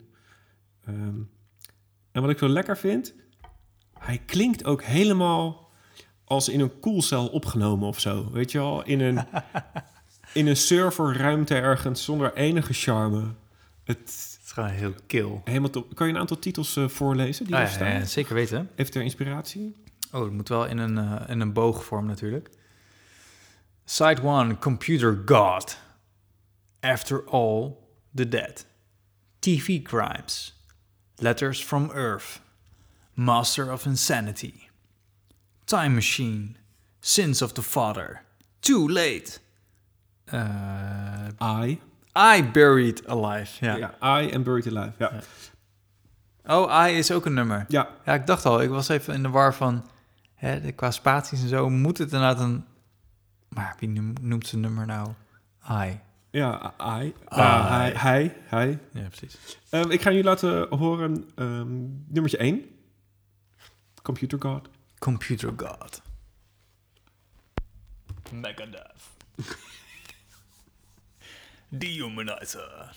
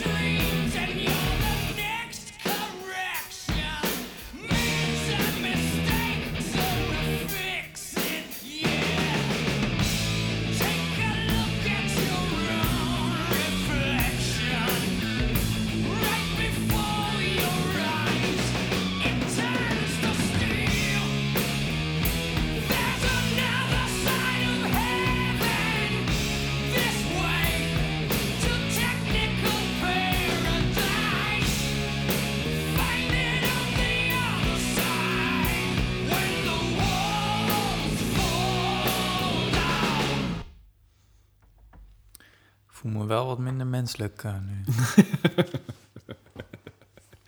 Nou ja, goed. Oh, snap je dat blikkige geluid? Ja, ik snap het wel. Die, die drums in ieder geval wel opgenomen. Maar ik vind het wel lekker. Ja, toch? Het, het past er wel bij. Ja. Met je fabriekshal eh, vibraties. Ik zat zo de binnenkant te lezen. De teksten. teksten. En eh, er zit dus een alinea tussen waarin staat Black Sabbath uses Gibson guitars, figure basses, tambour drums en dan krijg je echt I kid you not, een hele waslijst van allerlei merken tot aan het merk van de drumstok. Ik heb echt het idee dat deze gasten Sponsored. een soort van genoodzaakt waren om een sp- sponsor zo. Product placement. Ja, zoiets. eh, want dat heb ik nog nooit gezien. Zo uitgebreid. Ja, gewoon en een hele lange lijst, maar gewoon dat ze zeggen: wij gebruiken dit. Terwijl ik vind dat niet heel erg metal, want eh, ja, Maakt niet uit waar je op speelt. nee, dat en soms is het ook nog wel zo dat het eh, je hebt je eigen versterkertje die ergens vandaan kwam en die laat je modificeren, want die moet namelijk op een hogere. Ja, maar, know, dit, maakt niet uit. maar dit zijn de rockgoden, hè? Die, eh, daar dien je dat te doen, denk ik. Met deze statuur, dan moet je namelijk... eh, Moet je uiteindelijk zeggen welke merk je gaat gebruiken? ja, ja, denk het wel. Hmm, nou, dan zijn ze voor mij al niet. Nee, dan zijn ze in mijn ogen al niet meer eens maar God. Want dan eh, gebruik je gewoon het materiaal van de stervelingen. Ja, het Ja. moet juist onbekend zijn wat ze gebruiken. Oké, Want dan, is het, dan heeft het dat mystieke en dat legendarische. Fucking hell. Die sound van die gitaar. Hoe, Hoe krijgen doen ze dat? Hoe doen ze dat? Ja, nu weet ik dat ik gewoon een pedaaltje van Digitech moet gaan kopen. Want ja, het staat hier dat we Digitech FX eh, gebruiken. copy-paste. Ja. Ja. Point taken. ja, goed. Ja. Ik vind het wel een interessant eh, verhaal dit eh, rondom Sabbath.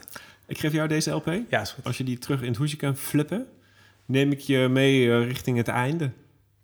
Oké. En ik zeg nu nog een keer het einde, omdat de laatste tour van Sabbath heet ook Het einde? The End. Precies. Ehm, er, zitten, er zitten nog wat uh, poepelige eindjes tussen. Onder andere dus die eh reunietour waar ik ze gezien heb in eh, 1999. In Ahoy. Met wie was precies de re- reunie? Met allemaal? Eh Ozzy, Bill Ward, Oh ja, serieus met Ozzy? ja, Geezer en eh, Tony. En er zat ook een reservedrummer mee. Eh, want Bill Ward die, eh, had toen inmiddels zijn vijftiende hartstilstand gehad. 15? Nou, ik weet niet, maar echt, echt meerdere. En ik weet nog dat tijdens dat concert dat er ook periodes waren dat hij... ehm, Dat het even zwaar had. nou ja, dat hij even wegliep inderdaad. En ik weet niet of ze dus van drummer wisselden, maar ja, het was wel pittig. Want Bill heeft heel weinig meegedrumd op al die tours in de jaren 90 en zo. Omdat hij gewoon niet kon. Was gewoon kapot. Heel lang aan de alcohol verslaafd. Nog steeds trouwens. Maar hij leeft nog steeds. Ze leven allemaal nog, ja. Goed. Ehm, aan het einde komt opeens Rick Rubin in het verhaal. Die komt altijd, die komt altijd ergens natuurlijk. Hè, komt hij. Oh ja. Het is bizar hoe vaak hij ergens verschijnt. Het is, en ik weet niet trouwens, misschien heeft hij geen knop aangeraakt. Hè, dat kan natuurlijk ook. Heeft hij Mhm. gewoon alleen in de studio in een kleermaker zit gezeten. Ja. En eh, alleen maar een kant op gewezen of zo. Maar die heeft dus eh 13 eh, geproduceerd. Met een drummer. En dan mag jij drie keer raden welke jonge drummer eh, eh, die plaat heeft ingespeeld. 2013, hè? 2013. En hij is eigenlijk al een veteraan. Hij komt uit de jaren 90. Wacht even. Oh, Dave Kroll. Je zit in de goede hoek. Je zit in de goede hoek. Was trouwens dat... Taylor. Hawkins. Dit is dezelfde hoek? Nee, andere, andere hoek.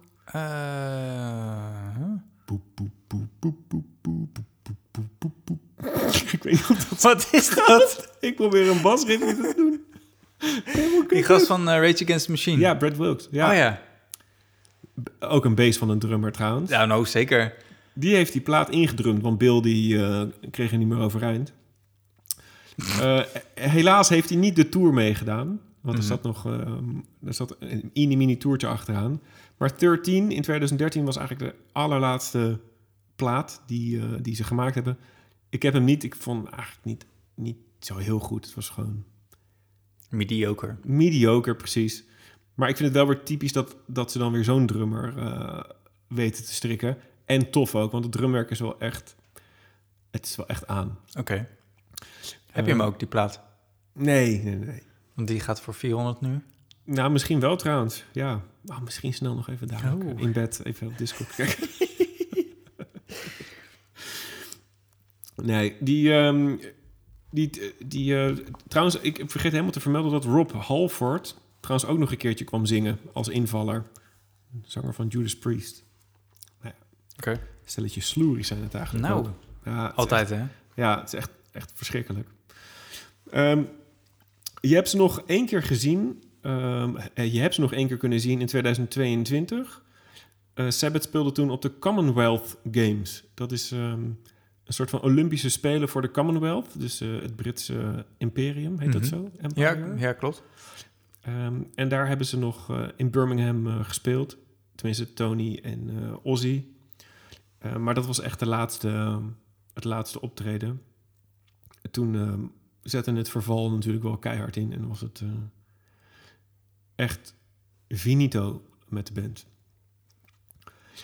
Nou heb ik nog één vraag aan jou, Jor. Ik, heb, een, ik, heb, ik heb één liedje die ik wel zou willen draaien. Maar misschien als je dit nou zo gehoord hebt, hè? Dit hele, de hele aflevering bedoel je Ja, dan? precies. Wat, wat, wat, wat neem je er nou mee? Wat neem je eruit mee eigenlijk? Ja, ik zit- ondertussen toch even te spieken naar die eh 13 maar Die laatste Sabbath-plaat. Paranoid 14? Nee. Nou, fuck it. Je vraag was? Wat, ehm, wat neem je nou mee uit deze, uit deze 2,5, 3, 4 uur? Hoe lang we bezig zijn. Eh, nou, ik wist dus niet dat, eh, dat deze groep zoveel zangers heeft versleten. Dan heb ik er zelfs nog een paar niet genoemd. Maar, ja, ja. Dat, eh, daar ga ik al meteen vanuit. En die hele, hele bizarre situatie met labels en managers. ja. En wat ik er voor mezelf uithaal is ehm, nou, misschien wel het cliché verhaal dat je dus niet eh, zomaar je ziel aan de duivel moet verkopen. Ja, En dan heb je het over die, die rechten. En, Ja. ehm, ja ook al krijg je iets gratis aangeboden. Ja.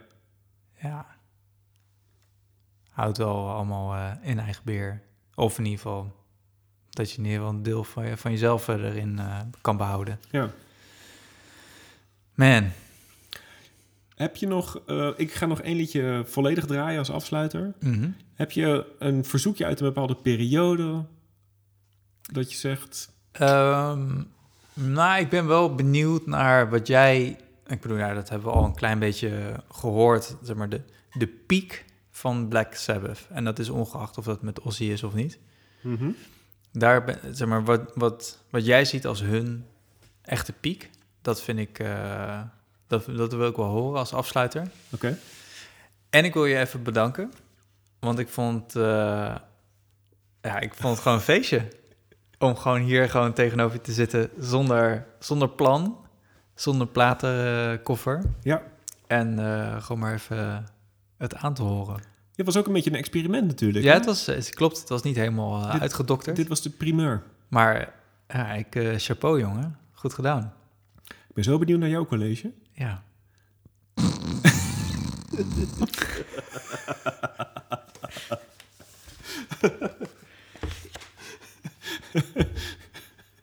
The disadvantages of dope dipolar Oh, je gaat een boek voorlezen, een audioboek voorlezen.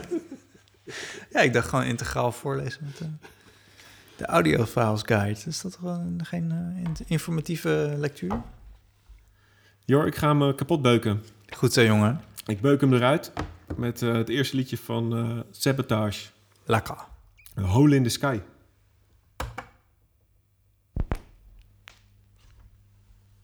En ik zou deze knijterhard zetten.